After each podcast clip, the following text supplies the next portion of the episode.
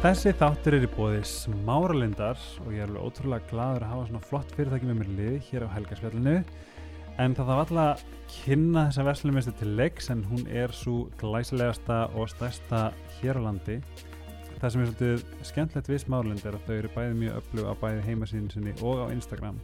Þar sem ímyndslegt tilbóð er í bóði eins og matur og mynd á þriðdugum og þar er alltaf eitthvað skemmtilegt að gerast þess að það er mjög gaman að fylgja þeim á bæði samfélagsmiðlum og síðunni, þau eru með svona blogg og alls konar aðstóð og tips fyrir þá sem að þurfa. En uh, Smárlind er einnig uh, mjög framænlega í sjálfbærni og eru að vinna harkalega við það að uh, hafa sjálfbærni sem leiðaljós sem að er náttúrulega ótrúlega flott. Þannig er til dæmis verið að setja mikið af innstungum fyrir ramagsbíla og það er eitt af ansi mörgu þess að ég þakka bara smálinn fyrir mig.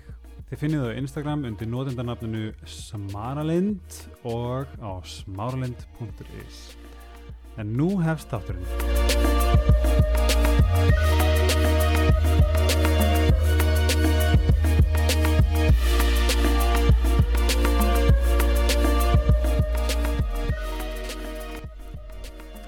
Halló kærvinir og velkomin í Helgaspjalli Ég er með hjá mér bara svona pínu bara, já þetta er svona all stars af Helgaspjalli en ég er með Sörumari fórinu hjá mér í annarskipti og ég gat ekki beðið eftir að fá þið aftur. Velkomin. Takk fyrir. Segðu mér eldsnögt, hvað hefur svona á dagaða þína drefið síðan við áttum spjalla okkar síðan sem að vakti frekar miklu aðtilli Já, herðu, það er ansi mikið. mm -hmm. Það er spurning hvort þú ætlum að fara djúpt eða ekki. en það sem að hefur aðalega gerst í mínu lífi uh, síðan við hittum síðast er að ég misti stúdíóð mitt, Silkibrand stúdíóið og opnaði jógastúdíó og byrjaði með jógakennara nám Mhm. Það er svona það sem að ég hef verið að gera. Og er það rétt sem er að námið er bara í Guatemala, er að vika hér? Það er hérna Já. og svo endum við í útskriftaferð í Guatemala. Á, er það þannig? Já. Og eh, eins og sko, ég saði við þið áðan, ég er náttúrulega fylgjast með rosalega vel. Mm Og að því ég hef sagt það í þessu podcasti, ég hef sagt það áður, ég er búin að setja alheiminn, ég þarf að fara í jóka, ég þarf að vita að því mál er, ég held í, í sko haustum á mér þá er þetta bara stöður og ég er ekki alveg að tengja en mitt gól er að ná að tengja, punktur. Mhm. og eins og ég segi, mitt svona markmið það er að koma með þér í þessa ferð eða komast þangað að komast í þessa ferð Já, í Guatemala já, sko þú getur það því þú varst að segja mér að þú byrð úti en ætlar að fara að koma heim einu sinni í mánuði. Það er planið, já. Og kennarnámið okkar er einmitt einu sinni í mánuði. Nei! ein helgi í mánuði og svo útskriftaferð, vikuferð í Guatemala. Og líka bara, en hva, hvar finnur þennan stað, sko, bara til þess að gefa hlustendum smá hugmynd, þetta er sko pallur og svo er sko vatn, eða sko þetta er eins og bara svona pallur, eins og svona útsinnispallur en það er það sem jóka fer fram, Aha. Svo ertu með vatn og svo ertu með fjall Já, þetta er eiginlega, þessi bær er eiginlega bara svona paradísar bær eins og náttúrulega margir staðir í svona guðdumlegum útlöndum er þar sem er hlýtt og sól og, Mhm. og vatn og, og það er vatn, ég held að þetta sé dýfsta stöðu vatn í mið eða söður Ameríku, ég rugglis alltaf Mhm. aðeins og það eiga að vera mæjan rústir, einhverjar merkilegar á botninum, í botninum á Nei. vatninu, jú og í kringum vatnið eru svo litli bæir og þessi bær sem við förum í, í kennarnáminu mm er svona hippabærin mm. og maður kemur þangað og þar eru bara jókastúdjó, lífræn kaffihús, ah. hreitt matur, staðir til að hugleiða og þetta er svona, já þetta er bara svona andleg paradís í rauninni. Vá, en magna. Af því að sko maður hugsa allt úr, fyrir hinn almenna borgara þá hugsa maður bara Bali er þetta, þú veist, er þetta þessi staði sem maður á að fara á? En Mhm. ég sem hef farið til Bali tvisvar þú veist, svo er ekki, þetta er náttúrulega bara orðin áfokast að ferðamanna bara frá Rúslandi, Englandi, Ástralíu þú veist, þetta er bara orðið mjög túristað Já, og það er náttúrulega bara eins og til dæmis með laugavegin, hann var mm. indislegri að okkar mati þegar það voru svona minni, minni búðir og svona áður en hann var svona mikið túristastaður og það er bara eins og með Bali var, það var örgulega frábært að vera þar ef Mhm. maður vildi svona ekki svona mikið túrisma mm. og þess vegna færist, færast koma nýjir staðir þess vegna hver veit um að Guatemala verið næsti áfokastæður þú veist Já, næsti aðal áfangastaðurinn Jú, þetta er magnaður staður og þarna er allt til alls mm. en aðalega til þess að anda dýbra, Mm. borða hallara og bara lifa eins og maður sé í paradís það segði með Guatemala þú veist ég, ég, veist, ég veit ekki svona, ég mani kalla alltaf guacamole Guatemala, þú veist, ég veit ekkert. Og ég, ég, ég hugsa um hérna eðlur, Já, þú veist, en hvað segðu mér, þetta er í Suður-Ameríku. Þetta er landi fyrir neðan Mexiko Aha. það er kannski svona einfalt. Mm. bara landi fyrir neðan Mexiko og er þetta safe, er þetta örugt Já, sko uh, ég get sagt það fyrir mig. Ég ferðaðist ein um Guatemala og Mexiko í þrjá mánuði og mér hefur aldrei fundist ég eins safe. Hvenær var það? það var uh, fyrir tveim árum. Já, þess að það var þegar þú varst í mastu í ferðinni. Já, ferðinni sem að þú já, með dýrin og já, einmitt. Og, og hérna og ég held að sé hvort sem það er í Guatemala Mhm. eða New York Mhm. eða í Reykjavík. Já, að ef að þú ert bara svona minding your own yoga business já. þá þarft ekki að hafa ágjur að neinu. Mm en ef þú ert hérna kannski hérna aðeins og fullir á barnum að leita þér af einhverju fíknefnum og fara að tala við eitthvað fólk sem lítur veist, já, veist, þetta er náttúrulega bara allstara sama. Um, það búa börn í New York sem að labba í skólan á mótnana bara veist, með skólatöskunum sína. En við myndum ekki þóra að senda börnin okkar eina labba þar þannig að Er, hva, hva, hvert flýgum maður þegar maður er að fara til Guatemala? Sko ég hef flogið til Kanada, uh, New York, maður getur flogið til Orlando eða Miami og svo oft þarf að milli lenda í Mexikoborg og svo Guatemala City. æfi. Þannig að þetta er svona, þetta er alveg smá ferð, Og hvað ferðu oft núna árið, cirka? uh, tvísvar, Ok. allavega tvísvar ári. En varandi podcastu okkar, hvað svona, ég veit að það hafðir áhrif á ótrúlega mikið af fólki og bara mér meðaltalin, ég hef örgulega hlust á podcastu okkar þrísa fjórusunum á hjólinu mínu, bara ekki hlusta mig, ég er bara svona, þegar ég hlusta mig þá er ég bara, "Í." en til að hlusta á hvað þú varst að segja. Já, sko það sem að mér finnst gaman að tala um er eins og meðvirkni og meðvirk hegðun. Mm. að fólk veit ekkert í rauninni hvað meðvirkni er nema við séum þeir sem eru búin að fara á fundi og Mhm. læra hvað meðvirkni er Mm.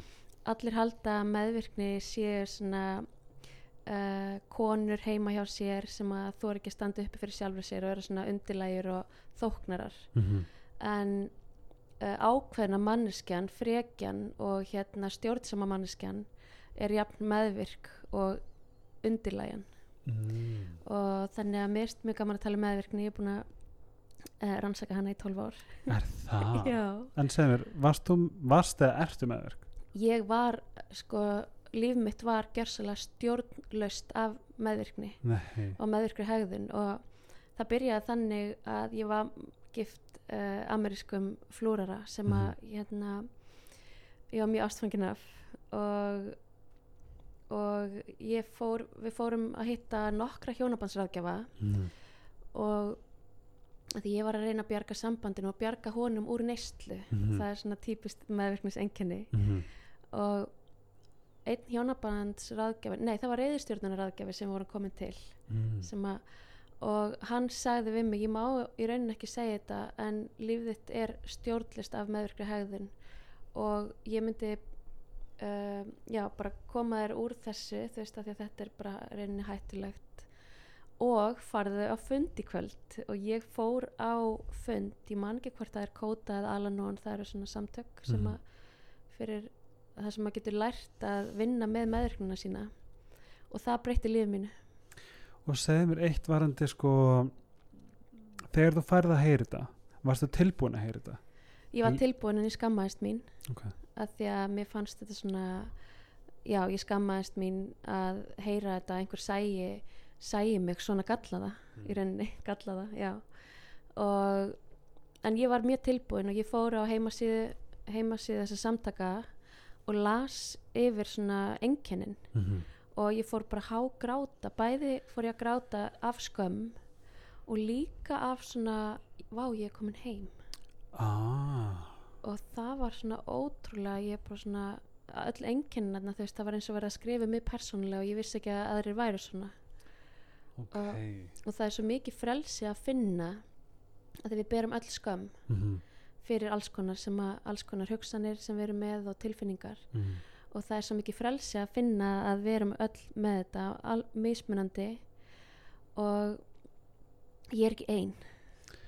Getur nákvæmlega sko það sem ég, nú, það sem ég fer að hugsa um þegar þú segir þetta hver, hver eru til dæmis ef við tölum um þau sem að ég mitt vita ekki að þau eru meðvirk? Mm hvað gæti verið svolítið þeirra innan gæðslapa enginni hvernig þú veist hvernig, get, hvernig hver er þessi, þessi leindar meðvirkni sem að enginn veit um eins og segið frekjan getur verið meðvirk það er að vera til dæmis myndi ég svona það sem fyrsta sem ég er þetta til hugar er að vera alveg ofbáðslega ákveðin mm -hmm. og þú þarft að stjórna aðstæðum þú veist, þú vilt ekki fara eitthvað þar sem að þú veist ekki hverjir eru þar til Mhm. dæmis það er meðvirk hegðun þá ert að virka með öðrum og það virk, Mm. þú veist, að þú virkir bara Mhm.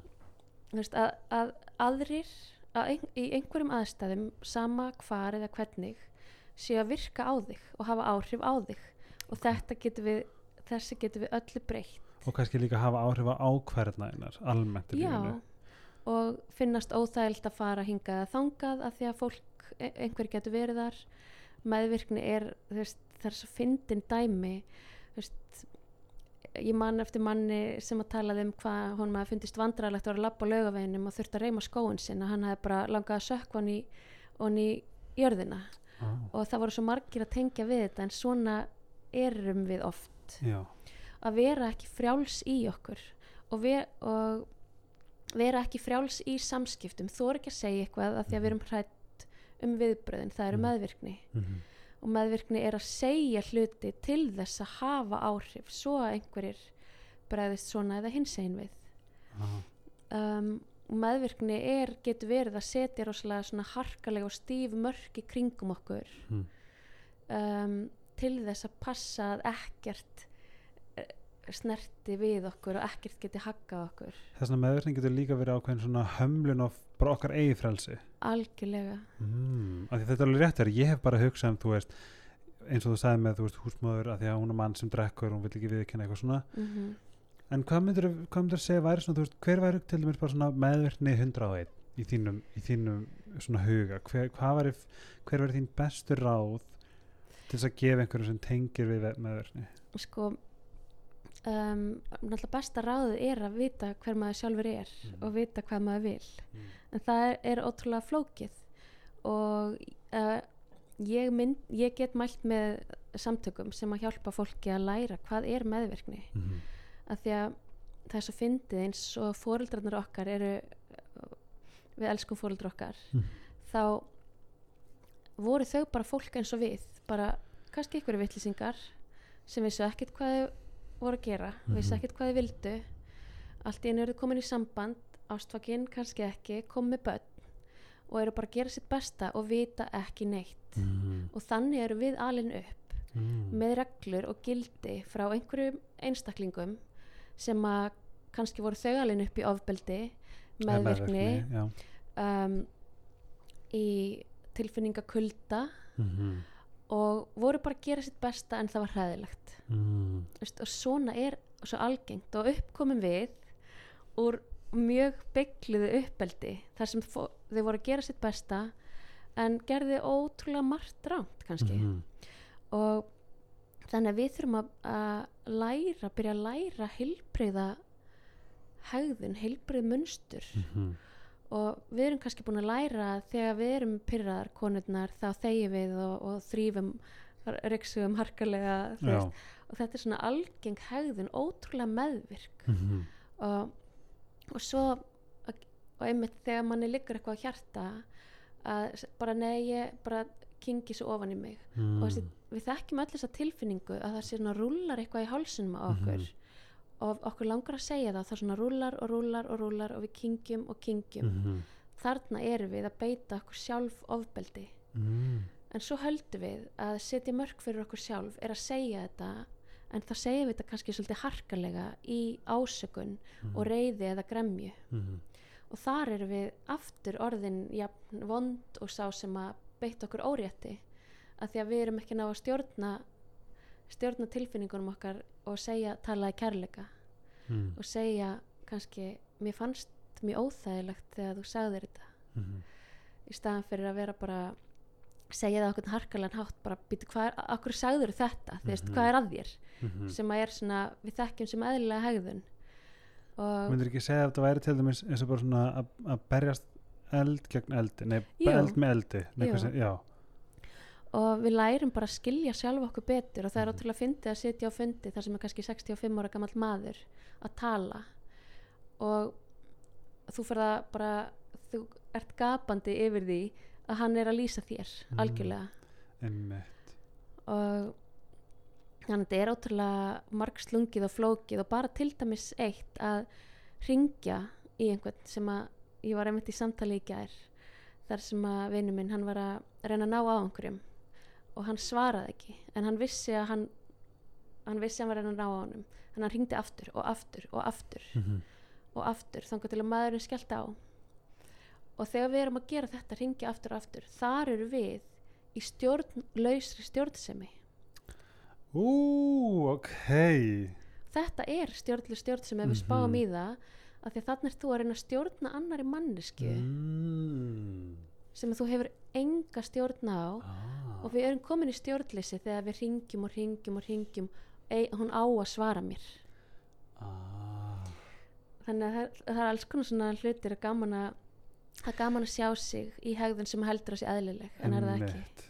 Ég sko, ein, ein líka sko, að, eins og Alanon ég hef sjálfur farið Alanon. Mhm. það hef farið tvísar og sama ég man að þetta bara gjörsalega breytti líminu þá en svo náttúrulega var þetta ekki eitthvað sem ég gerði þess að þetta bara hægt og rólega Mhm. hvarf, þú veist en er ekki almenn miskilningur að Alanon er bara fyrir þá sem að tengjast áfengi eða alkoholustum eða hvað Jú, þetta náttúrulega um, þetta tengist rosa svona föstum böndum í rauninni meðvirkni og áfengisneisla Já. og alkoholismi en það meiga allir koma í Alanon okay. sem að hafa orðið einhver staðar fyrir áhrifum af einhverju áfengisneislu og það er líka fólk þar sem hefur aldrei orðið fyrir áfengis, hérna, áhrifum af áfengisneislu í sínu lífi mm. en kannski voru amman og afinn fyrir áhrifum og þá verður Já. foreldrarnir fyrir áhrifum mm. og þá ert þú fyrir áhrifum ah. þannig að þetta er fyrir alla sem að vilja verða betri í, í samskiptum mm og, og læra á, já, bara lifa betra lífi í rauninni. Og þú byrjaðir þá þegar 2010 já, ég byrjaði þarna fyrir 12 árum. Um, nei, það var ekki 2010 það var fyrr, þegar, þegar ég var að reyna að uh, laga reyði, reyðina hjá manninu mínu fyrrverandi og gekk á milli sálfræðinga. Þannig að þá, þá rökklaðist ég þarna inn Mhm. á njánum og ég fór ég fór á fundi nánast daglega. Já, ég var bara og ég satt og grét og grét og grét á fundum. Að því að mér fannst svo sárt að sjá hvað ég væri gölluð. Mm og mér fannst stundum eins og ég væri ónýtt -hmm. að þetta væri ekki aft, þú veist, það væri ekki hægt að laga þetta. Mm -hmm. og meðvirknin mín var stundum svo sjúk. Ég bjóð á laugaveginum. Og ég var með svona rosalega þóknunar og svona geðjunar meðvirkni Mhm. Veist, gera allt fyrir alla, vera allt fyrir alla redda, græja, gera. Mhm. ef einhver kom með einhverja spurningu eitthvað staðar, þá langaði mig að, að redda því og Einmitt. bjarga því. já. Og ég kerði niður laugavegin og bauð útlendingum að, veist, það kom fyrir ég bauð eitthvað tíman útlendingum að gista heima hjá mér Mhm. að því ég vildi ekki að þau myndu þurfa að borga fyrir hótelherbyggi svo er mér samvinskupið að vera fyrir þeim inn á heimilinu. Ah, en það er svo að finna að sko setja því að ég eiginlega ég held ég hef munað eftir þarna að því að málið er það sem ég fann bara er að ég var að vinna hjá þér mm og þú varst bara svo ógísla næs þú varst svo ógísla góð þú varst alltaf mynd að redda svo kom þessu og þú, æ, bara afsláttu æ, bú, þú veist að ég, ég Mhm. bara gleym ekki, en ég var bara vá, hvað hann er næs sem er alveg, sem þetta alveg algjörlega rétt -hmm. en pældi ég samt hvað þetta var veist, ég hefði aldrei sittið á grunn að vá, hvað það hlýtur að vera vant fyrir hana eða skadandi fyrir hana, þessi hegðun sem sem ég pælum í dag, kannski meira. Jú, og, og takk og ég er mjög næs og ég er næs. mjög góð manneskja og ég veit og núna get ég sagt það án þess að vera eitthvað svona já, ég, veist, ég bara veit ég er góð og ég þarf ekki að En líka bara þú ert góð þegar þú segir nei já, Þú veist þegar þú setur, þegar, eins og segir bara þegar þú fylgir hjartanu og Já. þá ertu líka góð, veist hvað við já og ég er Góðmennska góð þó ég þurfi ekki að hlaupa eftir fólki og Mhm. hjálpa því og bjarga Mhm. því og, Mhm, og sína því að ég sé góð mhm, og því ég þarf ekki að sína neinum neitt lengur einmitt. og það er munurinn svona að vita þú veist, ég veit hver ég er og ég þarf Mhm. aldrei að sanna neitt fyrir neinum Mhm, og það fær maður bara með að þekka sjálfan sig. Sem er rosa mikið vinna. Algjörlega, áður en við klárum meðvirknis því að núna fæ ég sko ég, ég á vinkonu sem að þarf að í alveg við höfum ekki tekið skrefi, ég ætla að fara með henni. Mm um, myndur þú segja þetta væri fyrir bara flesta? Já, ég eða myndi segja er eitthvað annað sem að gæti það er auðvitað alls konar Mhm. og það er hérna til lausnin mm sem að lausnin, það er eitthvað lausnin, ég hef ekki prófað sjálf Nei. en það er ekki ókipis mm og Alanon, veist, ég hef alltaf sagt þess, þessi tólspora fundi vera uh, bara ókipis sálfræði þjónustu -hmm. þannig að það er svona uh, staður sem allir geta farið á og ef þú ert í stjórnleysi og ef þú ert í vonleysi Mhm. þá getur alltaf farið inn á fund sestar, horfið inn í fjöldan Mhm. og hlustað og þó það sé ekki nema einu sinni mánuði já, þannig sé það skilur fyrir Já. kannski psykopalla já en, en svona ég ég hef stundum sagt veist, okkur langar ofta að fá svona töfralaust og Mhm. pillu við öllu mm -hmm.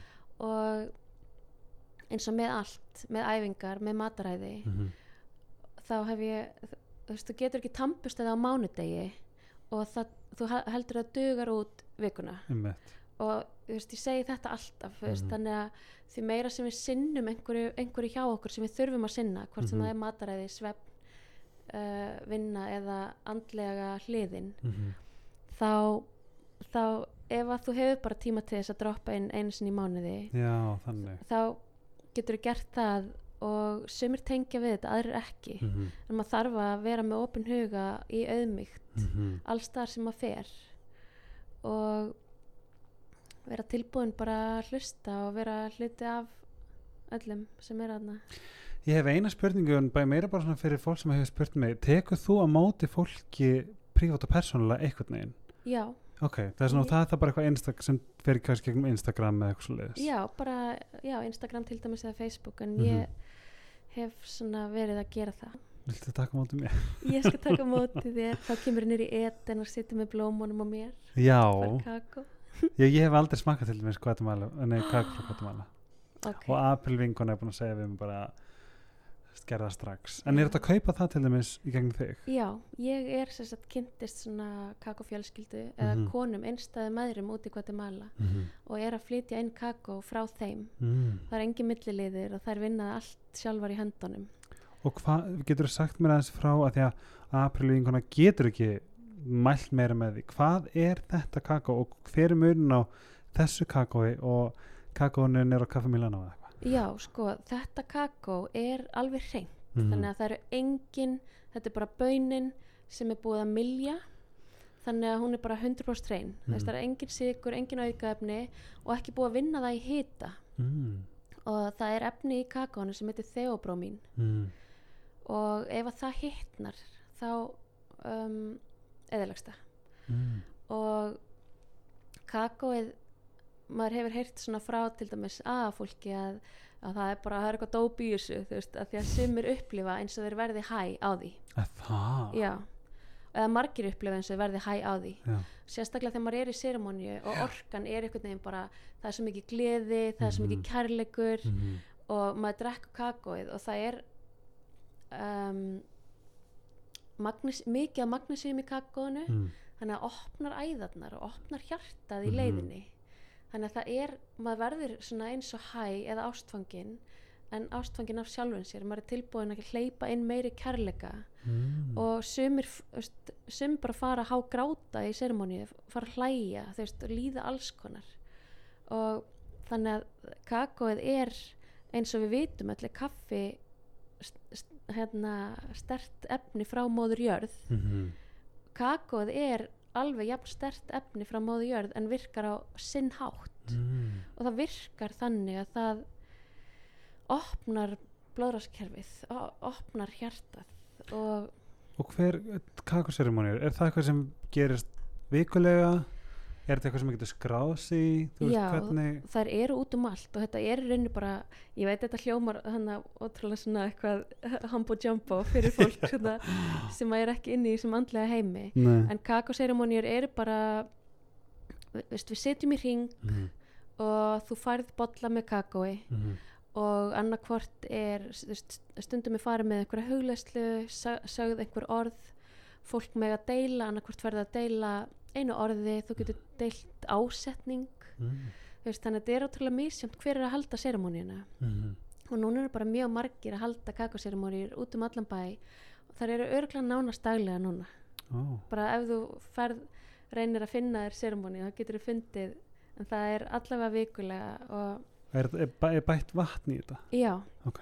það er bætt vatni út í kakóið og svo er hægt að bæta við bara hverju sem þú vilt í rauninni það er algengt að nota kajanpipar Mm. um, Er þetta er mjög gott Ok. þú getur komið í etin á morgun og smakkað. Má ég? já, Ó, við erum með klukkan, klukkan 5 erum við með Um kakóseremoníu kvöldið? já, Ok. áður en og við ætlum að hitta saman í eten, drekka kakó áður en við fyrir síðan í hörpuna á hérna kraft á yoga moves og kraftur það er sérst hérna styrtar uh, yoga dansparti í hörpu. Ó. og þannig að við ætlum að fara öll saman þangað úr kennaranáminu og, og dansa og gera yoga. Ég veit að þessi þáttur því mér er ekki komin út þegar það gerist en þetta kannski fær fólk til að hafa augun opinn já, fyrir áframhaldi. En mér langaði samt að því þú saðir orðið andlegur heimur. Mm og ég held að margir sem að spá í þessu þeir þurf, þeir þurfu svolítið að klæðast einhverjum skrýtnum fötum eða ekki fyrir sturt eða fór sér dretta skilur við, uh, og ég er meint alveg bara með gegn kærleik sko. En þú veist þessi andlegi heimur þú veist mér langar svo að fólk viti að maður getur verið bara nákvæmlega eins og maður er en færa sig inn í hennar andlega heim. Og hver væri svona hvað er svona þín skoðun af því og þú veist hvernig var, ætti fólk að taka kannski, moski, jésús kannski fyrstu skrefin inn í þennan andlega heim. Sko sem er þægileg og svona. Já, sko fyrir það fyrsta, þá þarftu í rauninni aldrei að stíga inn, þetta er ekki svona stort skref og þurfir að stíga inn í einhvern annan heim. Og mér finnst það svolítið svona skipta máli að fólk getur bara farið mætt í byrjandajóka til dæmis. Og er það bara í bóði allstaðar það er bara byrjandajóka tímar örgla í öllum jókastúdjum okay. Og byrjandajóka þá ertu bara svona að fá að vita svona smá um öndun, mm -hmm. um hugleyslu um stöðurnar. Og nei, við eigum ekki öll að fá okkur dretta og, og, og ganga í hörputum og, og hérna ekki fara í styrti og, og mér finnst það svolítið skemmtilegt núna líta sumir á mig sem eitthvað svona andlega uh, en mér finnst ég ekki verða sjálf. Nei.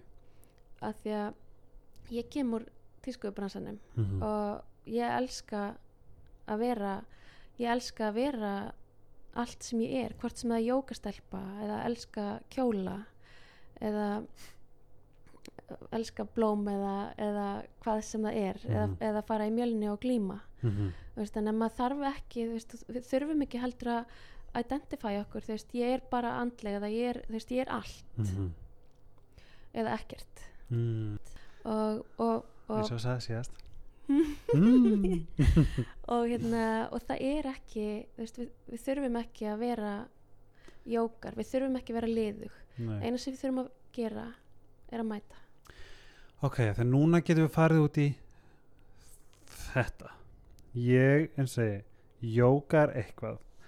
Ég er með aðtöklisbrest, mm ég, þú veist, ég er bara svona, ef ég, ef ég væri ekki opinn fyrir því sem ég, og ég held mér opinn fyrir því, ég fresta því, en ég er op, opinn fyrir jóka því ég veit að ég vil ná einhverju fram, bara eins og april, sem bæði var í spjalli hérna líka, mjög gott spjall.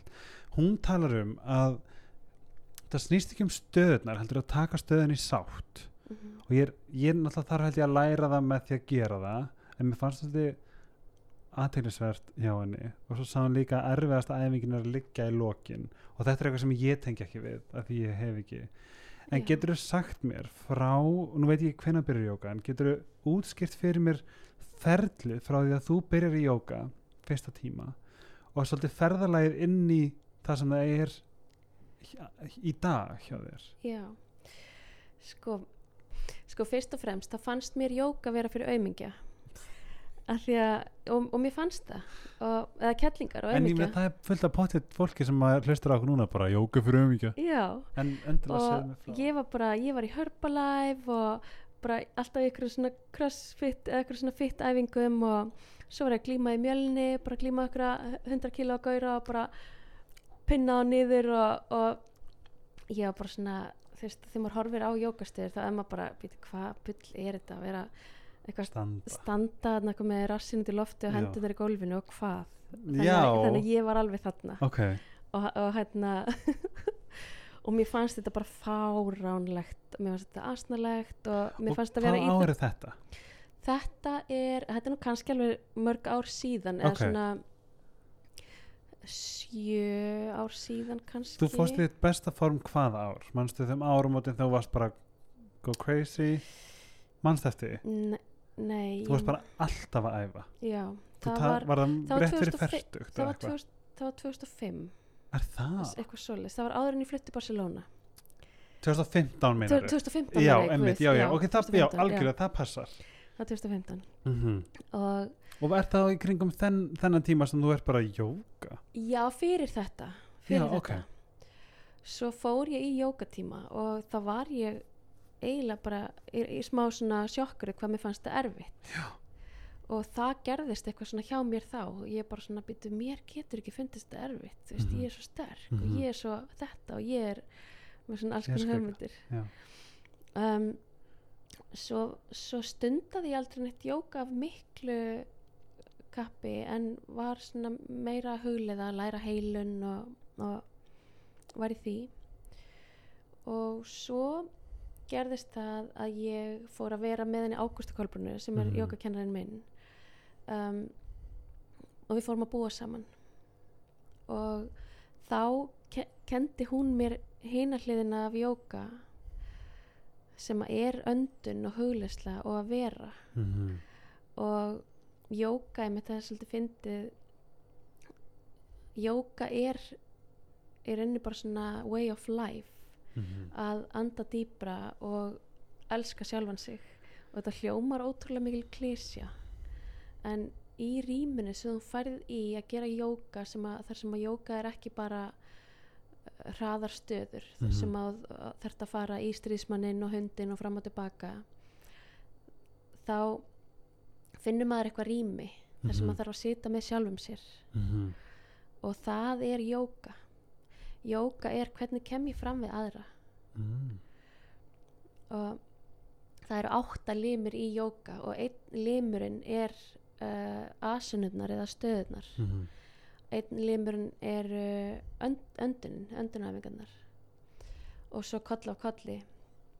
Og inn, inn í jókafræðanum eru þessi limir sem eru uh, samskipti í rauninni hvernig, ég, hvernig hugsa ég til annara -hmm. stel ég, stel ég tíma?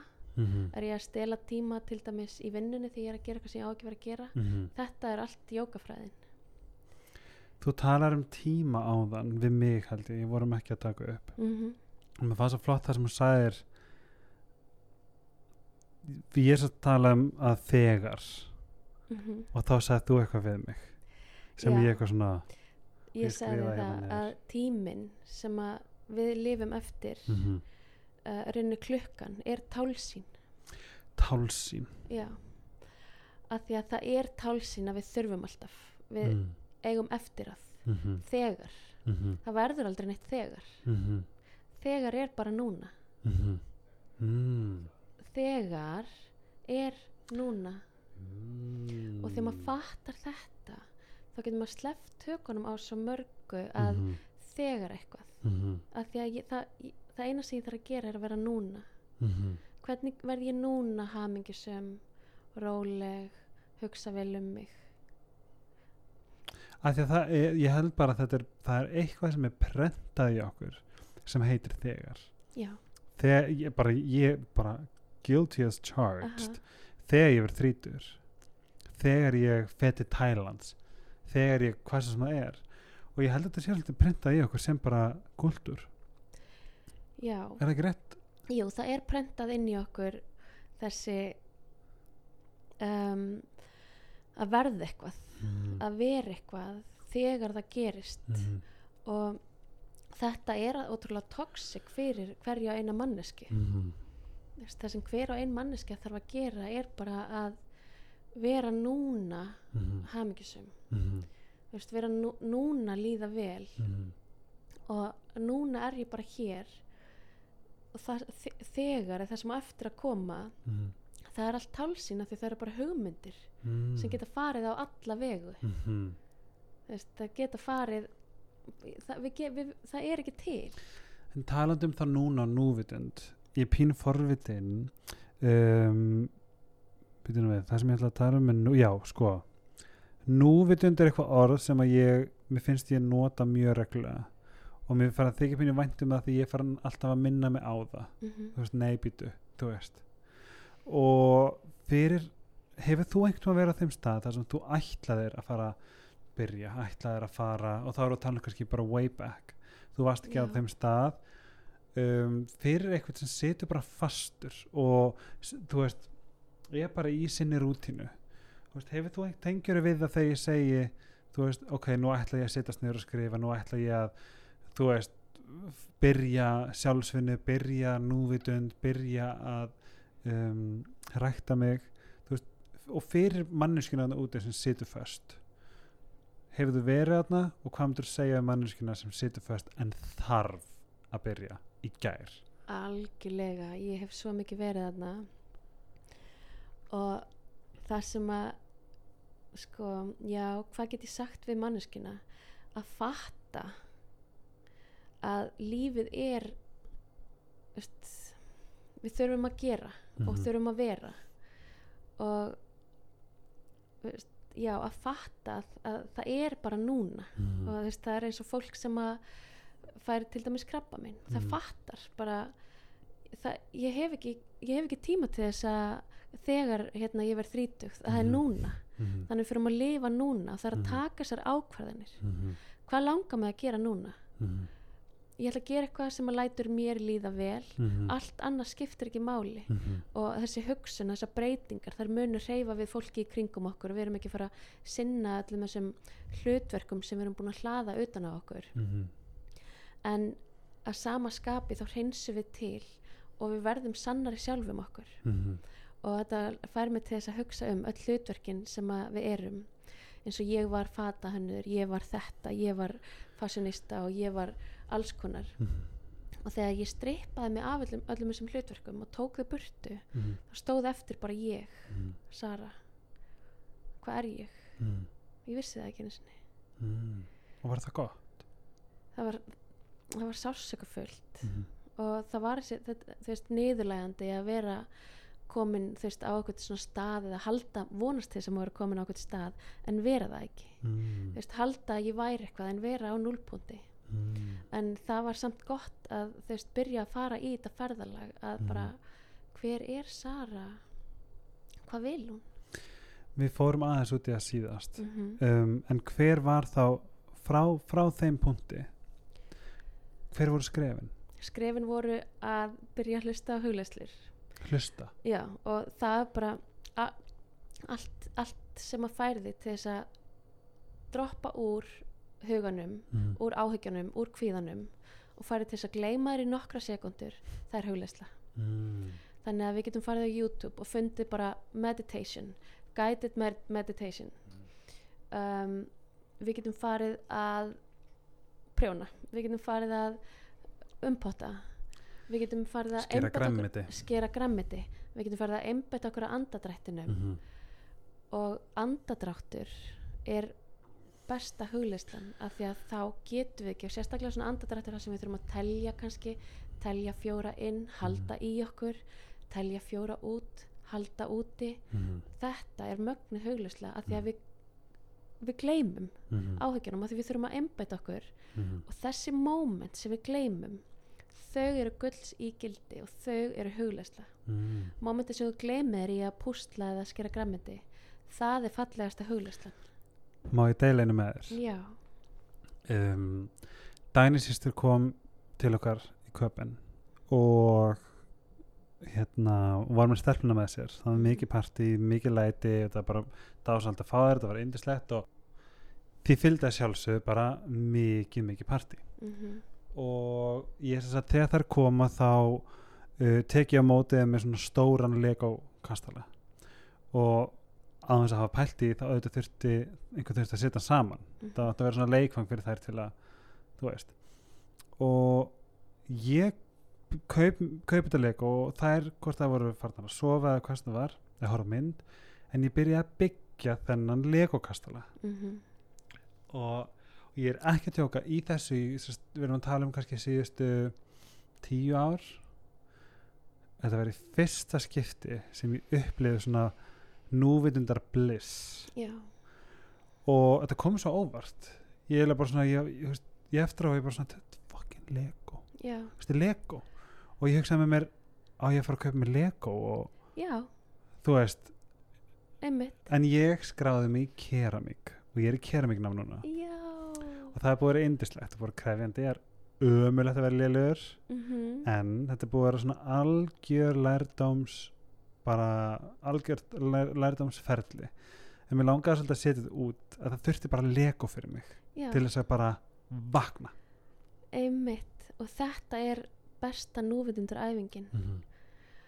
og, og það eina sem við þurfum að vita er að við þurfum aldrei að verða neitt og við verðum aldrei neitt. Allar þessar hugmyndir um það sem við heldum að við verðum við ætlum að verða eitthvað fyrir einhverjum við ætlum að verða fræg þegar þetta verður þegar hann sér mig svona þegar ég verð flottari. Þetta mun aldrei gerast. Þú verður að segja þetta þér. Oh my god, ég var að fá algjör svona hú þú, þú sagðir við megum ekki hugsa að við ætlum að verða eitthvað því verðum aldrei neitt. Já. Það, og Þetta þetta, er, er- sannleikurinn. Þetta er líka bara svona ding ding ding hver er bjallan? Það er svo rétt, þú veitur, ímynda nú fór ég bara ég fór beint í Justin Bieber. Mm, hann er að sjálfsögða svo sannlega eitthvað fyrir öðrum já, já, en fyrir sér er hann pottið ekkert. Nei og þarna er það. Hvað er ég fyrir mér? Mm. og við erum alltaf að og þess vegna eins berjast. og þú sagði ráðan ég veit ég er góð, ég þarf ekki að sanna mig fyrir öðrum. Já.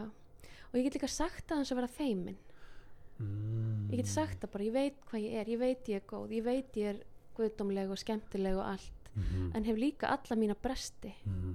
Veist, ég veit hvað ég er að ég er búin að skoða það svo vel mm. og, og spegla það með öðrum mm. og, og, og spegla það í veist, kærleika að, að, að taka á móti þú veist, að águst að vinkona bara, já Sara, þú, þetta var svolítið harkalegt hérna, með svolítið óþægilegt hvað þú saðir þetta svona harkalega já, ok, þú veist að við, maður getur séð sig svona Mm.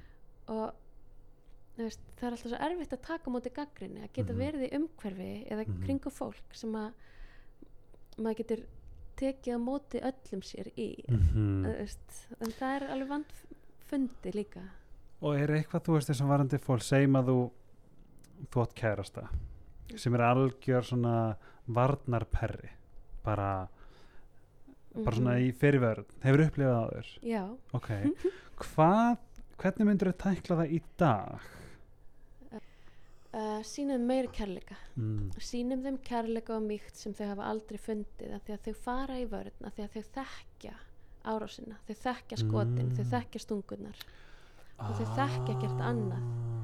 og sína þeim ef Er þú- það verð? já, Vá, ég var ekki að fatta, ég fatt það núna. og sína þeim sem fara í vörn að þau eru safe í hlýinu þinni Mm. að þú dæmir ekki það myndi ég Þess vegna ef að þú myndir kynnast manni mm sem fær í verð, þá er þú bara, it's ok. þá myndi ég segja kannski, já, ég finna að því finnst óþægilegt að heyra þetta en ég er ekki að dæma þig Mm. Og mér, þú veist já, kannski eitthvað svona um, árunni förum, að því núna vorum við að tala um núvitund. mm Erum við ekki saman um það að núvitund er eins og bara sérstaklega fólk sem kannski er vandi að um, vera með tónlist alltaf, þú veist að því okkar svona nútíma talva sími, iPad eitthvað svona, -hmm. Þú eins og bara þetta, myndir, myndir að mæla með til dæmis bara, þú ert að búa til súpu græmitsúpu algjört algjörða stilhið sem heitir þögn Mhm. og bara skera græmitið Já og það er til dæmis svona vákvað er falleg áferðin á, á hérna gulrótinni mm. þú veist að, að, að sjá græmitið mm -hmm. og, og finna fyrir því Mm -hmm. og eins og hérna vá hvað þessi sófi er mjúkur mér finnst Mhm. mjög gott að strjúkan Já. og það er núvitund að vera hér og bara Mhm. finna þú veist, vera bara hér og nú og ná Mhm. að sleppa tökum á öllu sem er ekki hér og nú. Mm -hmm. af því að það er alltaf þessi tálsýn af því að það er einhver hugmynd sem að gæti verið eitthvað að hún er ekki til. Þetta er algjörlega sko revolutionalt að heyra. Maður all, ætlar að vera eitthvað hvað svo það er mm þegar maður verður aldrei neitt. Aldrei, það er tálsýn en en að útskæra fyrir fólki sem mér hvað þýðir tálsýn tálsýn er, uh, já, tálsýn er ímyndun, já. blekking já að því að framtíðin sem að framtíðin, þessi hugmyndum að verða eitthvað það er alltaf blekking af því að það eru hugmyndirnar sem eru mm. haustum á okkur og hugmyndirnar okkar eru bara hugmyndir mm -hmm. og um, þannig að og hugmyndir um að verða eitthvað Mhm. Verða aldrei og þú veist það sjálfur með alls konar sem þú ert búin að prófa að ætla að gera og ég ætla að Mhm. verða þetta og verða hitt og þetta kemur aldrei, það fer og kemur eitthvað annað eitthvað ný gulrót að hlaupa eftir ég ætla að verða þetta ég, og, og svo erum við hlaupandi eftir einhverju gulrót endalist í staðan fyrir að bara að setjast niður í slaka og bara borða gulrótina sem er með höndunum þú veist það. Talandum að borða það, mér langar ég pínu forritin fæst það því ég, ég faktist veit það ekki en var hann þú og matur ég veit að þú ert mjög þú- tengir stert við Mhm. mat og ég man eftir þegar eftir okkar síðasta podcast þá kerður okkur á, ker, þá kerði við saman á stað sem heitir bændur í bænum Mhm. sem ég vissi ekki vera til Einmitt. en þú varst bara með glampa í augunum á leiðina ángað Já. hvar, hver er þitt hver er þín svona tenging við mat þú veist, varandi bara svona uh, þetta heitir uh, mindful eating Mhm. hver er svona þín túlkun af því í því sem að þú, hvernig þú lifir Já, sko ég verð bara að segja að það er svona minn uh, í dag, minn svona akkilesarhæll eða Mm. svona það erfiðasta fyrir mig að því að ég smakkaði ekki grammeti fyrir nýja 27 ára Nei. Jú, ég bara var algjör kjöt æta og það var ekki þannig að mér var skrammeti fyrir auðmikið en líka við, þú veist, ég bara borðaði bara kjöt og, og mamma kallaði mig alltaf T-Rex. Það fyndið. Og um, en núna þá hef ég bæði prófað að vera vegan og svo uh, einmitt, þú veist, ég prófaði að vera vegan og svolítið skemmtilegt að skulle spyrja þess að því að Ágústa besta vinkona mín sem að ég bjó með hún vinnur í bændur í bænum. Mm. þannig að hún kom alltaf heim með mat úr bændur í bænum lífrænt rækta grammiti og við borðum lífrænt rækta grammiti og, og borðum bara mjög holdt og, og breytt úrval. Samt kom það síðan fyrir að ég um, þurfti að hérna, fór spítala og þurfti blóðgjöf og misti mig nýlega? fyrir árið síðan. Nei, Jú, eftir að fyrir podcastið? Uh, held ég bara rétt eftir. Nei, Jú, hvað gerðist? ég var að missa fóstur. Í alvöru? Já, og er kannski ekki skemmtilegt að segja frá því en aðtikluvert að þarna var ég að missa fóstur og við náttúrulega höfum talað um þetta í fyrra Mhm. podcastinu.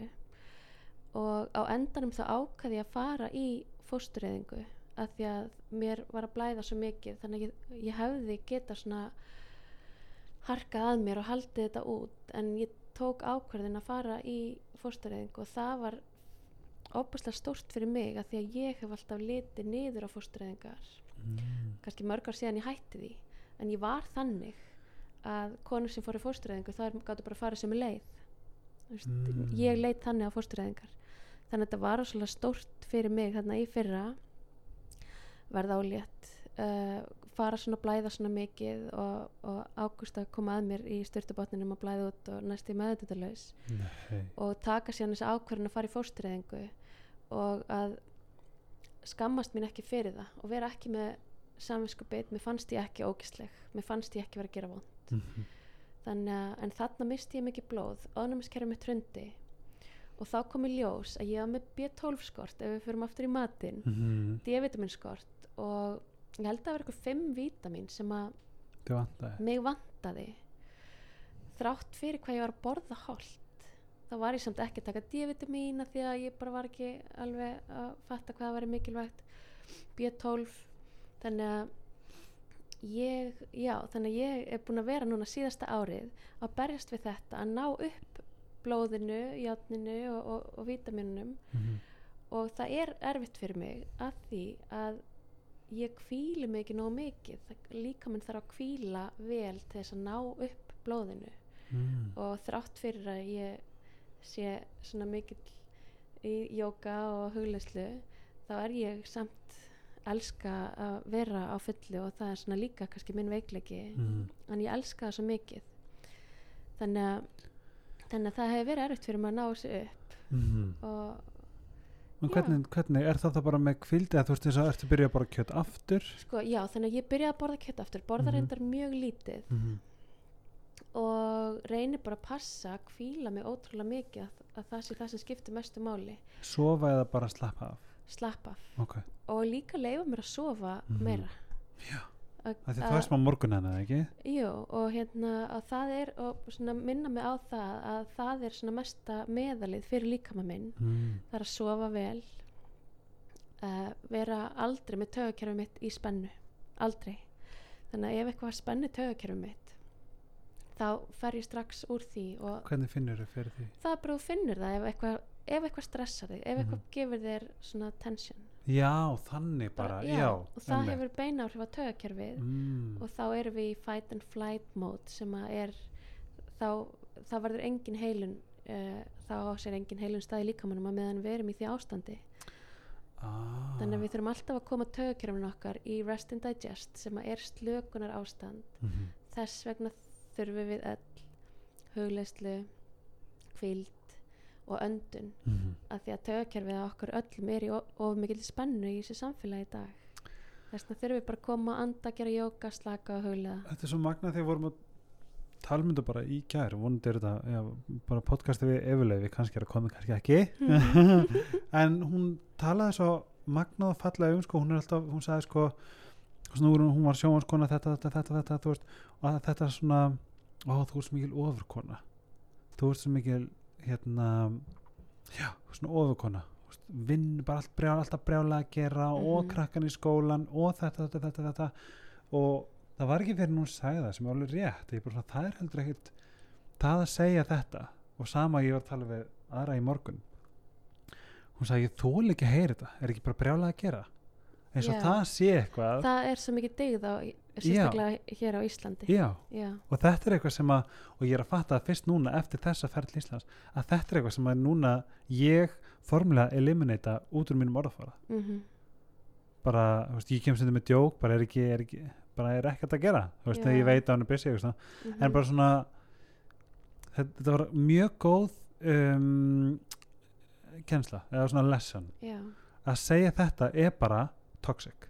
Algjörlega. Sara mín er ekki bara brjála að gera hjá þér? Já, og, og hvað gerir það þig gott? já, þá ég upplifa einmitt hvað Vá, hvað er dugleg. Já. og það er svo mikið dygð að vera dugleg og keira sig út og svo eru allir bara í börnati já, það er svona emmitt það sem að það sem að við finnum mest fyrir eins og fólk sem er að koma í byrjandi jóka fólk sem er að koma á allir þessi námskeið það eru allir í börnáti Er það? já börnáti bara að yfirtaka íslensku þjóðina Reyndar.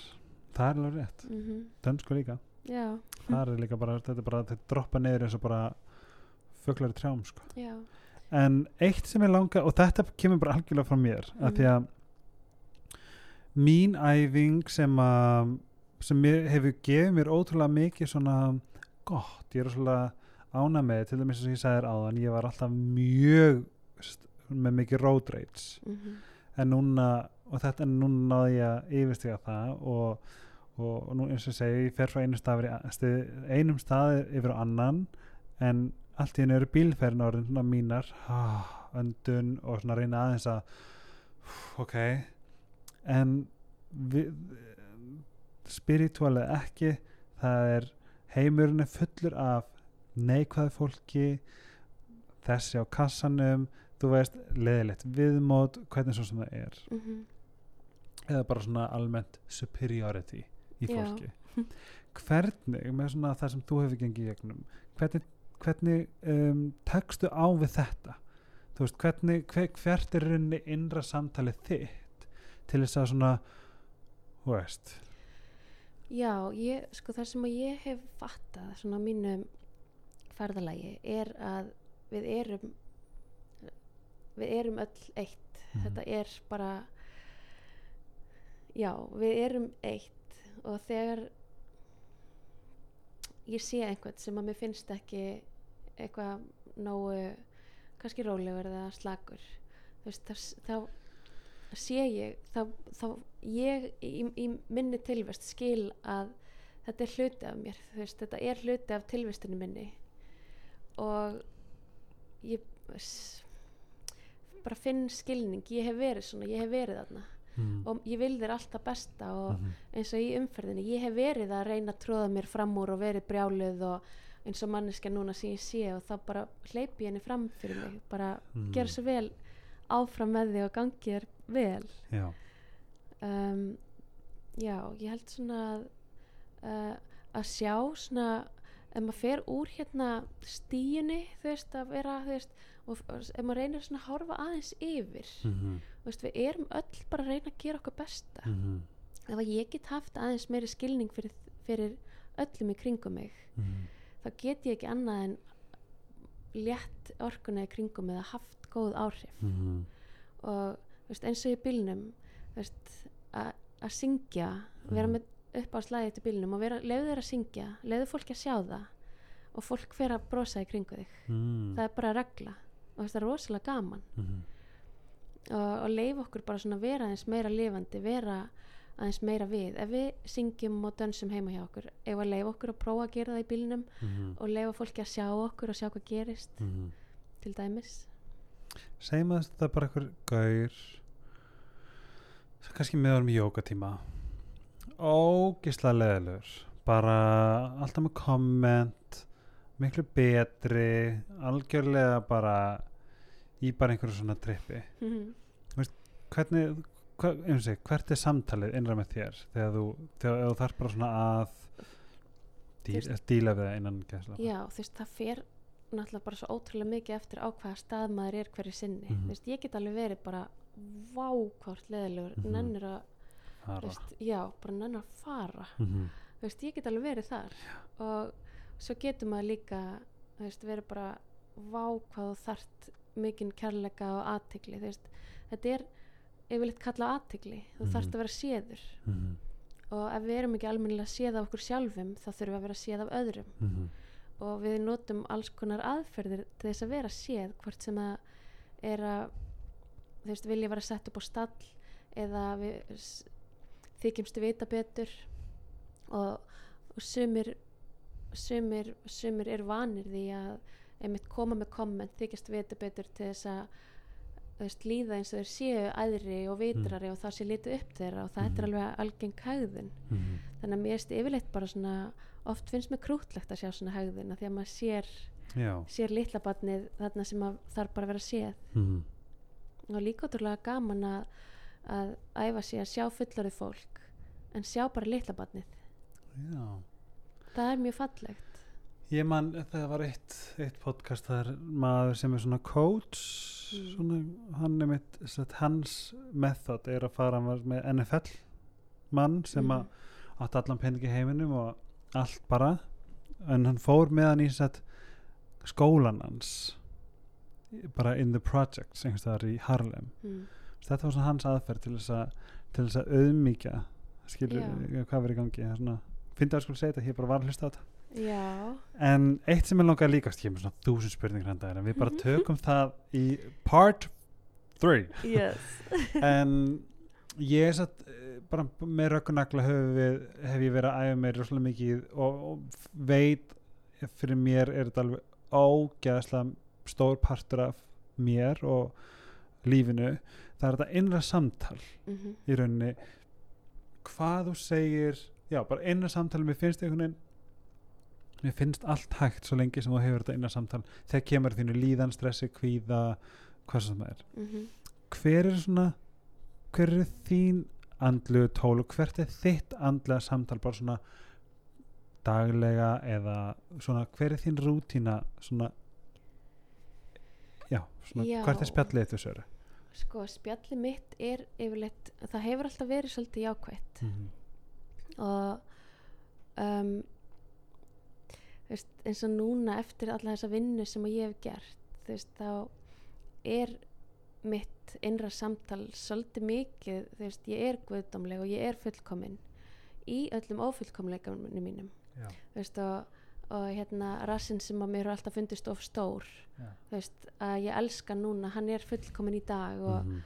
uh, en það, það er svo erfitt þú veist, það er löng leið að komast Þangað. eins og ég hef sagt ég er um, ég lærði það hjá Guðna Gunnars ég er mátturinn og dyrðin Mhm. að hvert okkar er mátturinn og dyrðin en að leifa okkur bara að fara á eitthvað svona stað mm. hver er ól, svona hvað er, það, það fallegasta sem getur sagt um sjálfa þig Mhm. fólk þorir bara ekki einu svona fara þangað Nei. það finnst það það er bara svona, finnst hér koma gert sko, það er bara svona alls konar sem kemur upp og leifir sér ekki einu svona að leifa sér að sjá sig sem þessa guðdómlegu veru sem hvert okkar er Já, og þetta er það sem að þú þetta er, þetta er rauninni staðurinn sem að þú ert á og vilt vera á. já, að að þú veist að vita það sama hversu ófullkomin ég er sama hvort ég sé of þreytt í dag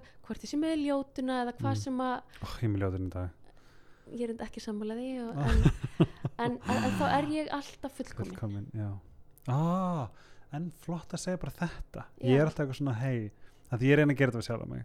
Að ég seldi bara, hei, þú ert kannski bara allt í lagi. Þú veist, ég er Nei, meira það. ég er fullkomin og þetta full, hvað er fullkomið? Mhm. fullkomið er ég í dag Mhm. þú veist, og bara búið Má ég byrja um að gera eitt? sko um, fyrir ekki svo lengu þá byrjaði ég uh, grúpa á Facebook sem heitir Jákasta grúpa á Íslandi. Og þetta er eitthvað verkefni sem ég tók sem ég ákvað að gera út af því að ég vinn við skrifstofu og, og segja skipti engum máli hvaða grúpi ég var á kosa sem það var vegan Íslandi eða matartips eða bara hundasamfélagi, það bara skiptir ekki máli. Mm það var bara alltaf eitthvað. Og ég með mína réttliskend leti þetta annarkvort hafa áhrif á mig eða ég eitthvað svona þurfti alltaf að vera uh, uh, sp- sprauta á eldin, bara hei koman, getur við haldið góðum tón, bara Mhm. alltaf, ég var alltaf að því. Og það er svona í kjálfæri bjóði til þessa grúpu.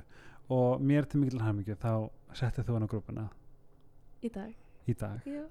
Og mér lang, viltu lesa þetta? Af því að ég, ég hugsa kannski lesi ég þetta en þú ert með svo miklu falleri og betri rödd en ég. Já, Ertu til í að, þetta er sem sagt mantra, er þetta ekki eftir mér, er þetta ekki ákveðin mantra í Þetta- jóka? jú, þetta er mantra sem að að jógakennarin minn, svo sem Já. að kendi mér að vera jógakennari, Ágústa Kolbrún Já. þetta er mantra sem hún bjóð til Ok. þegar hún um, eða fyrir mörgum árum hvort sem, að, hvort sem hún útskrifaði sem jógakennari eða byrjaði að kenna og hún fer með þessa möndru eftir hvert tíma og eftir hverja hauglæslu sem hún er með þannig að hvert sem ég fer og hvað sem ég geri skiptir ekkert meira máli en ég skemmti mér ég sitt gleðin í líf mitt og gleð fólki í kringum mig svo ger ég það sem ég hef gaman af og svo ger ég það sem ég hef gaman af. Og svo ger ég það sem ég hef gaman af og þannig nýti ég daginn vel. Namaste. Mér fannst það æfi En að því að sko málið er þetta með jákvæðni að því að ég var ég, var, ég fór í viðtal út af þessari grúpp og ég þegar ég sagði þetta upp að þá vissi ég hvað það var rétt. Það er svo auðvelt og maður gleymir í stundum hvað það er auðvelt að detta í hingýrin í rauninni neikvæðgýrin og töðið er svona þæginlegasta leið til samtals. Veist hvað við, bara, ó, það er að djóka með veðrið?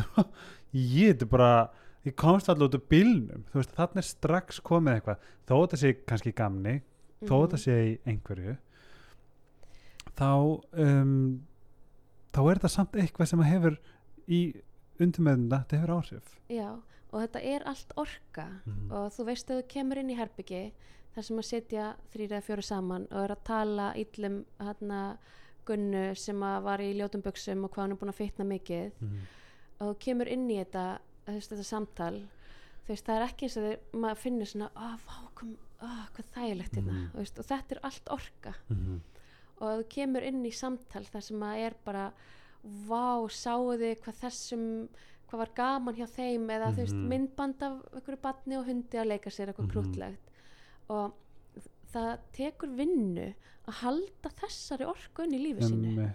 Þú veist, þetta er bara ákvörðun Mhm. þetta er bara ákvörðun ég ætla að vera með jákvæða orku í kringum mig Mhm. ég ætla að vera með jákvæð fólk í kringum mig og Mhm. fólk sem er ekki neikvætt Mhm. það má sigla hægt og rólega út í lífi mínu eða ég set mörg. Eða hvernig sem ég langar að- gera þessa breytingu en ef að ég finn í mínu lífi að ég vilji þessa breytingu ég vilji meiri jákvæðni þá er það mitt verk Mhm. sem fullarinn manneskja Mhm. sem með hendur og fætur og heila Mhm. að taka þessa ákvörðin Mhm. og hún þarf ekki að vera drastísk bara á, bara á hverju mómenti tengja sig í þakklætið Mhm. tengja sig í meira jákvæðni og Mhm. tala í jákvæðni Mhm. ekki taka þátt í svona samtölum Mhm. og segja já, uh, ég hef mér langar ekki að tala svona um hana Já, og ég man því ég gerði þetta fyrst já. þegar ég byrjaði að gera þessa breytingu því ég elskaði að slúður um fólk Mhm. og, og fattaði ekki þennan toxic ring sem maður var fastur í Mhm. og þegar ég gerði þetta fyrst ég sagði, já, mér langar ekki að tala svona um hana mér, mér fannst þetta svo stórt áður en ég sagði þetta Svo Það fann- er það, Já. og ég fann að, þú veist, það voru allir bara what, hvað sagðir Já. en enginn sagði neitt og ég satt svona í þessu og ég var bara, vá, ég sagði þetta Mhm. og mér fannst ég ókslega powerful mér fannst ég Mhm. jákvæð og mér fannst ég sterk Mhm. og næsta skipti var auðveldara og Veistu hvað ég er að fatta? mm, Þetta er meðvirkni Ekki það sem þú gerir, heldur það sem hinn gera algjörlega, það er það maður er, er að brjóta sig út úr Meðvirkninni. meðvirknis samböndum og með, sinni eigin meðvirkni Ú. Þetta var með, þetta með sko því ég hugsaði ég að gera svona þrísverði dag. Sagti mig það þólar en enginn. Og ég eitthvað svona, já er það ekki? Í hvað, ætla að sé? Í staðan fyrir að segja en leðilegt, ef ekki frekar að tala um kannski hver finnst þú næði já eða ætla að sé, þú veist þessi litlu hlutir, þarna breytum við heiminum. og sérstaklega að því að 90, og ég er ekki að djóka. 99% íslíka gerir þetta. Já, þetta fáum þetta niður í 97 já! Á einu ári. Og við getum Vá. farið eldsnætt yfir þetta? Mhm, um, tölum til þess bara meðvirkna bak við þetta. Mhm. að því að eins og sagðir, þú sagðir þetta þetta var stór skref. Og leiðir ekki jafn powerful eða leið pínu kjánalega? Bara býtum nú, þetta var eitthvað mér nýtt leið bara alls ekki power, kjánulega, mér leið það bara powerful. Ég var bara, oh my god, mér er búin að langa að segja þetta svo oft en ég hef aldrei þóraði loksins þorði ég að Ok. segja. En ekki þessi meðvirka Sara sem sagði bara úúú ég bara tók þátt og bara Já, þú veist, ég hugsaði með mér sko, ég, ég, ég myndi að finnast þetta tvísýnt ef Mhm. ég, ég, ég, myndi mér, þú veist, meðverki helgi bara hvað oh my god, hvað, hvað ætla þessi að hugsa? Já, en að hinn það gæti verið ef það var That's right, erfitt að segja eitthvað að þá kannski þegja mm, í staðin fyrir að taka þátt í samræðanum mm, og kannski svona sína með þú veist, hvað, maður, hvað þorir að gera þú þorir að sína með líkamstjáningunni að þið langi ekki að tala um þetta. Mm, getur labba í burtu frá aðstæðanum já, einmitt. Eins og þetta, nú finn, nú finn ég það í sjálfum mér hvernig mér líður er að þetta er eitthvað sem að ég vil gera en ég veit það morgun þá er ég búin að gleyma þessu.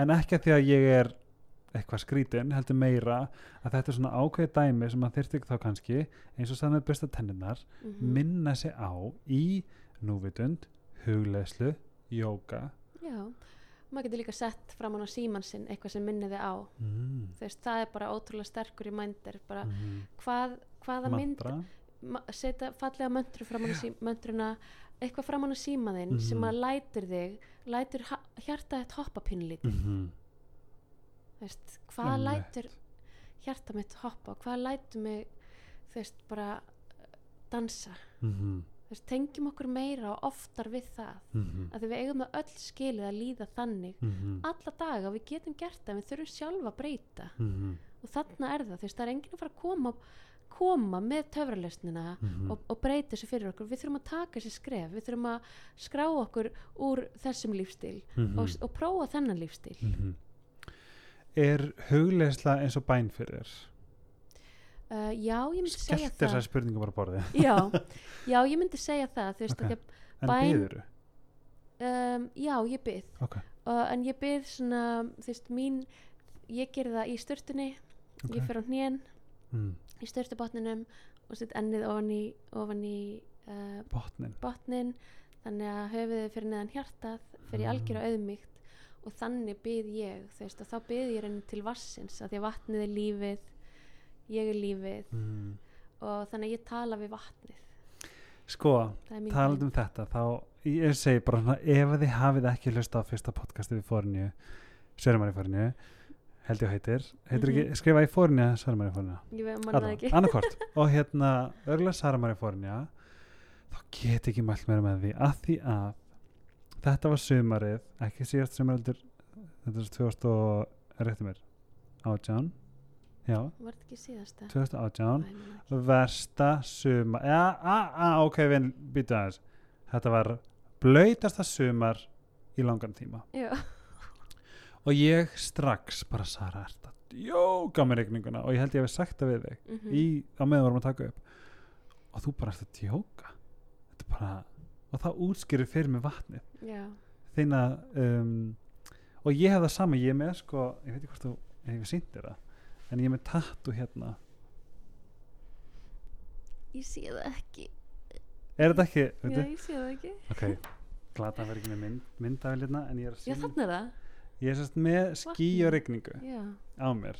En það er af því ég sjálfur elska vatnið, elska regnið elska allt, en samt tókst mér að vera bara að bölva það í bara sand og ösku mhm, en þarna var einmitt- þetta var svo góð hérna, góð lærdum fyrir mig að þarna, að núna í dag og ég held án gríns að ég hef ekki töðað yfir regningu eða vatni síðan að þú talaði við mig. Já, veistu, ég held að við þessi eh, litla forréttinda þjóð á Íslandi gerum okkur enga grein fyrir því hvað við erum ofdegruð mm -hmm. við hefum það svo gott með að við heiminn að það er einhver lagi líkt. Að hafa allt þetta reyna vatn. Við vitum að fólk sem að ferðast til útlanda við þurfum að drekka eitthvað vatn á flöskum sem að okkur finnst vant bragða og komum heim bara oh my god. Já þú veist að fara virkilega í þakklæti bara vá þetta er ekki sjálfsagt. Mm -hmm. getur sagt mér ef þú vilt eða þú mátt sleppa ef þú, ef þú vilt ekki. Getur þú útskýrt fyrir mig hvernig þín bæn fer fram upp á þú veist, er þetta þakklæti? Um það er ótrúlega misjamt en ég það sem að ég segi alltaf. Mm -hmm. ég þakka fyrir allt sem ég hef fengið. Ég þakka fyrir allt sem ég fæ í dag og ég þakka fyrir allt sem ég mun fá. Allt sem kemur til minn í hvort sem það er í förstu formi eða reynslu þá þakka ég fyrir það. Það er það sem ég hef beð um. Ég þa- og svo segi ég stundur svona ég þakka fyrir lífið og ljósið og litina ég þakka fyrir vatnið og vonina ég þakka fyrir börnin og blómin ég bara svona tek eitthvað svona stafi og finn mm leik mér að því veist, en ég finn, ég segi það bara það sem ég finn -hmm. og svo, svo reyni ég að hlusta á vatnið veist, bara Mhm. hvað þú veist, hvað vil ég hvað vilt þú í dag á ég, hvernig get ég þjónað þér vatn og, Mhm. og þannig að um, ég hef sko, til, sko ég með tilfinningu í mér. Mm, um, að því að nú er ég byrjuð að byggja já, bara atheistinn bara í allir sinni galóar sem aldrei hvorki bara þú veist. En þetta var eitthvað sem ég mér fannst ég þurfa. Mhm, og að því að þetta líka þessi hugmynd byrju byggja til hvers eða til hver, hvernig ert að byggja fyrir? Skiptir það máli? Ég er nákvæmlega, það er alveg máli skiptir það einhverju máli? Nei. og um leið og ég fann það þá byrjaði ég. Mhm, ég reyndar ekki beð í styrtu en ég huglega í styrtu mhm. en nú fer ég á, núna eftir þetta veistu girl I'm listening to you. En þegar núna er ég potið eftir að fara á botnin og er fara með höfuð fyrir neðan hjarta. Mhm, og ég var sem sagt var fyrir innblástri aðalega af yfirmæri mínum sem er muslimi mhm, hann byrði daglega og ég held að tengjast mögulega, ég veit ekki hvort það tengjast um, ég veit ekki hvort það tengjast skal ég þér segja um, býtum nú við tengjast uh, hvort það tengjast sko Íslam mhm, eða hvort það sé bara eins og hann gerði hann gerir þetta í skilu þremur pörtum. Mhm, og það er sem sagt forgiveness wish for og þakklæti. Ég er bara að lista símanum. Fyrirgefning en alltaf hann alltaf kannski aðeins meiri sinner. Mhm, hann er samkynniður, hann er muslimi forgiveness og svo hvað þú vilt þú veist, wish Mhm. for og svo þakklæti. Já, og hann bara bara frá þessum var ég bara greatly inspired. Já. Og það er bara veist, þetta eru þeir þetta eru þessi þrýr hlutir eru þeir hlutir sem við þurfum hver einasta manneskja að tengja við mm. og eins og þakklætið Mm hvað er þakklæti? -hmm. þetta er tilfinning innra með þér Mm -hmm. og það var núna bara svona býtu hvað er ég þakklætt fyrir og þegar finnum þakklæti djúft inn í okkur -hmm. það þurfum við ekki neitt mm.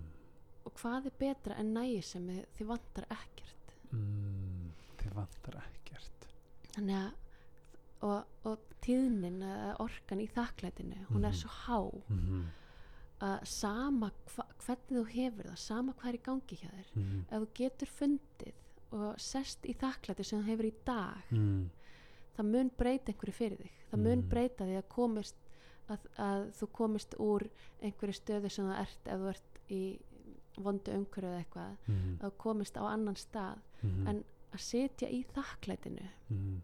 Það er eins og bara vera í þú veist, á leðinni til himnaríkis. -hmm. veist, bara þessi tilfinning wow. ég fæ ekki gæði sögðin ég fekk hana samt. Veist, það að og, og maður, því ofta sem maður fer í huglislu -hmm. það er alltaf verið að tala um þakklætið. Akkur er alltaf verið að tala um þakklætið? Svo fleiri og fleiri fatti sitt þakklæti Mm. að sitja í þakklætinu. Svo tilfinning breytir heiminum manns, manns Mhm. eigin heimi. Að vera á þessum stað. Ok, ég get, get ekki hugsað mér betri betri svona þess að enda hana þátt. Og ég vonaðu komur aftur. Ég hef 15.000 aðra spurningar handa þér. Og takk fyrir að koma. Og þú ert með jógastúdíu Eden.